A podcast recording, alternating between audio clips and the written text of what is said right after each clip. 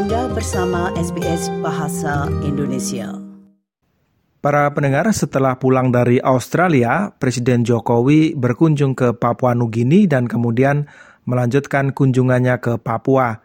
Ini adalah kunjungan Jokowi ke-17 kali ke tanah Papua sepanjang dia menjabat sebagai kepala negara dalam 9 atau hampir 10 tahun terakhir atau dua periode kepemimpinan sebagai presiden. Jokowi adalah mungkin presiden yang paling sering datang ke Papua selama menjabat dibanding presiden-presiden lain di Indonesia. Karena itulah wajar jika Jokowi ada di hati masyarakat Papua. Tetapi di sisi lain, Presiden Jokowi juga banyak dikritisi karena kebijakan-kebijakannya atau jalan keluar yang dia terapkan untuk masalah Papua tidak menuai hasil seperti yang diharapkan. Misalnya soal kasus pelanggaran HAM berat yang terjadi sejak puluhan tahun lalu di Papua. Apalagi pada 2014 ketika Jokowi baru saja menjabat sebagai presiden, dia berjanji kepada rakyat Papua untuk menuntaskan kasus pelanggaran HAM berat di kawasan itu. Namun hingga 9 tahun ini hasilnya tidak bisa diharapkan saya menghubungi aktivis mahasiswa dari Perhimpunan Mahasiswa Kristen Republik Indonesia atau PMKRI, Niko Demus Momo untuk membicarakan persoalan ini dan berikut ini perbincangan selengkapnya. Bang Niko ini kan hitungannya sudah 17 kali Presiden Jokowi ke Papua selama menjabat presiden ini.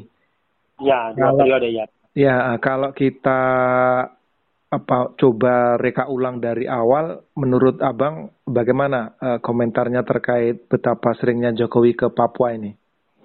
Jadi yang pertama arti pandangan sebagai aktivis dan juga maka sudah saya sampaikan sedikit pandangan dan juga buah pikiran saya terhadap jadi presiden ya 01 RI ke Papua. Jadi 17 kali beliau ke Papua ini saya kutip yang pertama itu begini yang pertama sekali secara pribadi ya sampaikan ucapan terima kasih apresiasi Pak Presiden toh. Ini salah satu presiden yang artinya kunjungi ke Papua dan juga datang dan beberapa terobosan yang juga beliau buat di Papua, terutama soal infrastruktur dan lain sebagainya toh. Itu beliau sudah. Tetapi yang paling terpenting sekalian Pak Presiden sih lupakan. Mungkin entah sengaja ataukah mungkin lupa atau seperti apa pada saat beliau kampanye pertama di tahun 2014 mencalonkan diri sebagai presiden itu beliau sampaikan begini. Ketika dia menjabat atau jadi presiden, yang paling terpenting dia dorong adalah menuntaskan pelanggaran pelanggaran HAM berat di Papua yang masa lalu yang kian lama sampai hari ini. Itu hanya buah bibir saja sampai hari ini belum bisa dituntaskan. Khusus Pak Presiden Jokowi belum ada ruang atau dialog yang dibicarakan sampai hari ini. Toh. Hmm. Artinya Berarti Presiden Jokowi 17 kali ke Papua, sama saya tidak ada dampak yang bagi orang asli Papua secara khusus. Karena semua aspirasi rakyat Papua kan tidak diindahkan semua. Hanya yang beliau lakukan ada pendekatan lebih ke infrastruktur itu beliau lakukan. Pendekatan pembangunan. Yang terjadi ya pemekaran-pemekaran. Pemekaran juga DOB yang banyak tetapi ya lapangan kerja itu tidak hanya untuk orang asli Papua jalan trans yang dibangun. Orang Papua berapa orang yang punya mobil, berapa orang punya kendaraan bermotor dan lain sebagainya. Ini kan tidak ada. Okay. Yang ada buka akses untuk semua saudara-saudara Nusantara lain yang datang ke Papua. Hmm. Begitu. Ba balik ke soal pelanggaran HAM tadi saya tertarik. Janji Presiden 2014 ini dulu itu menurut Abang realistis nggak sebenarnya dalam konteks Papua? Karena mungkin persoalannya memang tidak sederhana. Ya, kalau menurut saya begini, kan tahun ini beliau sebagai presiden, macam biak berdarah, wasir berdarah, wamena berdarah, dan lain sebagainya. 2006 lagi trauma sampai hari ini, membuat eh, membuat itu ya orang asli Papua bisa bicara soal tadi penentuan nasib sendiri, ingin berbebas dan lain sebagainya. Ketika Jokowi sudah naik, dia janji 2014, ketika dia naik dia akan buka yang namanya dialog. Dialog untuk menuntaskan mas, HAM masa lalu, toh, pelanggaran HAM berat masa lalu. Pelanggaran HAM berat masa lalu itu beberapa solusi yang ditawarkan oleh orang asli Papua melalui buku yang dialog oleh Pater Neles Tebai lain bahwa dialog Jakarta Papua ini dorong. Itu tidak hanya orang bicara referendum, tetapi lebih dorong untuk bagaimana trauma orang Papua terhadap bagaimana ya, trauma orang Papua terhadap masa lalu itu ya bisa dikurangi sedikit dan lain sebagainya. Jokowi sudah sepakat itu, dia akan dorong. Tapi ya itu sebatas dia janji. Jadi presiden periode pertama tidak, periode kedua sampai besok dia akan turun. Setahun lagi beliau akan turun, 17 kali kunjungi Papua, tapi ya sama saja meninggalkan luka dalam yang sepanjang masa bagi orang asli Papua. Hmm. Termasuk uh, per, upaya persidangan kemarin di Makassar yang untuk pelanggaran HAM berat Paniai ya kalau tidak salah itu ya. mengecewakan ya bang? Itu sangat mengecewakan. Semua semua pelanggaran HAM yang di Papua ini didorong misalnya di pengadilan lain, ya, itu sama tidak diterima, tidak ini. Contoh wartawan asing tidak diizinkan masuk ke Papua untuk liput. Semua proses pelanggaran HAM dan lain sebagainya di Papua atau pembangunan tidak tidak diizinkan dan lain. Nah, itu itu sama sama mengecewakan orang asli Papua. Hmm.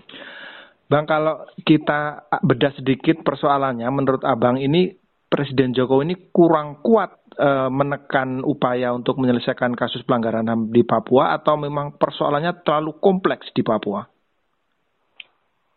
Jadi Jokowi secara pribadi ya mungkin kelihatannya kurang terlalu kuat dan juga tidak serius untuk mengurusi orang Papua. Artinya yang beliau manfaatkan adalah sumber daya alam di Papua saja beliau manfaatkan, tetapi kalau untuk manusianya tidak. Begitu. Hmm. Bagaimana dengan misalnya Komnas HAM e, bergerak dalam kasus-kasus seperti ini? Pandangan Abang bagaimana? Komnas HAM ya tidak terlalu netral.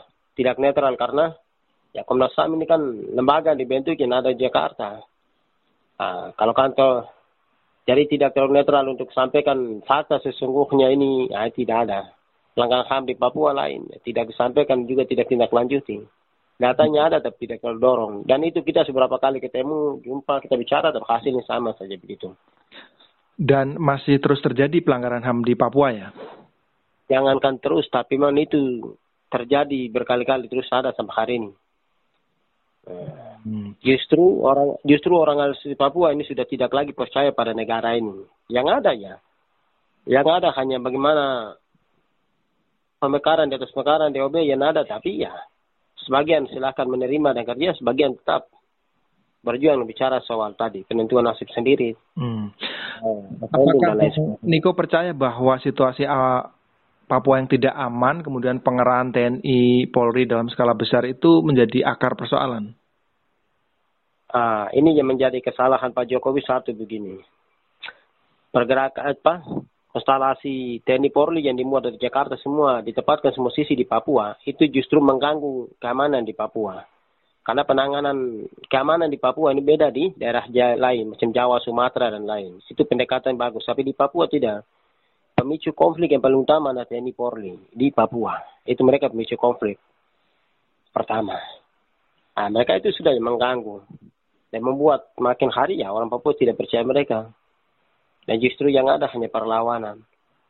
Hmm. Kalau misalnya eh, Papua ini ingin aman, sebenarnya kuncinya di mana sehingga pelanggaran HAM tidak terjadi? Kunci yang paling pertama adalah ya artinya pemerintah Indonesia dengan ya hati yang terbuka menerima yang dorong namanya dialog Jakarta Papua.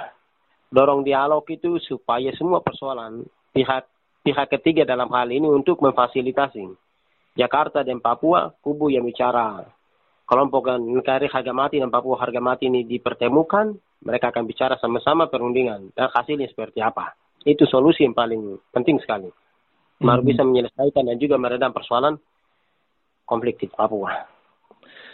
Tapi memang eh, bagi warga Papua persoalan keamanan ini masih jadi perhatian salah satu perhatian utama ya salah satu perhatian utama yang sangat serius dan urgent di Papua.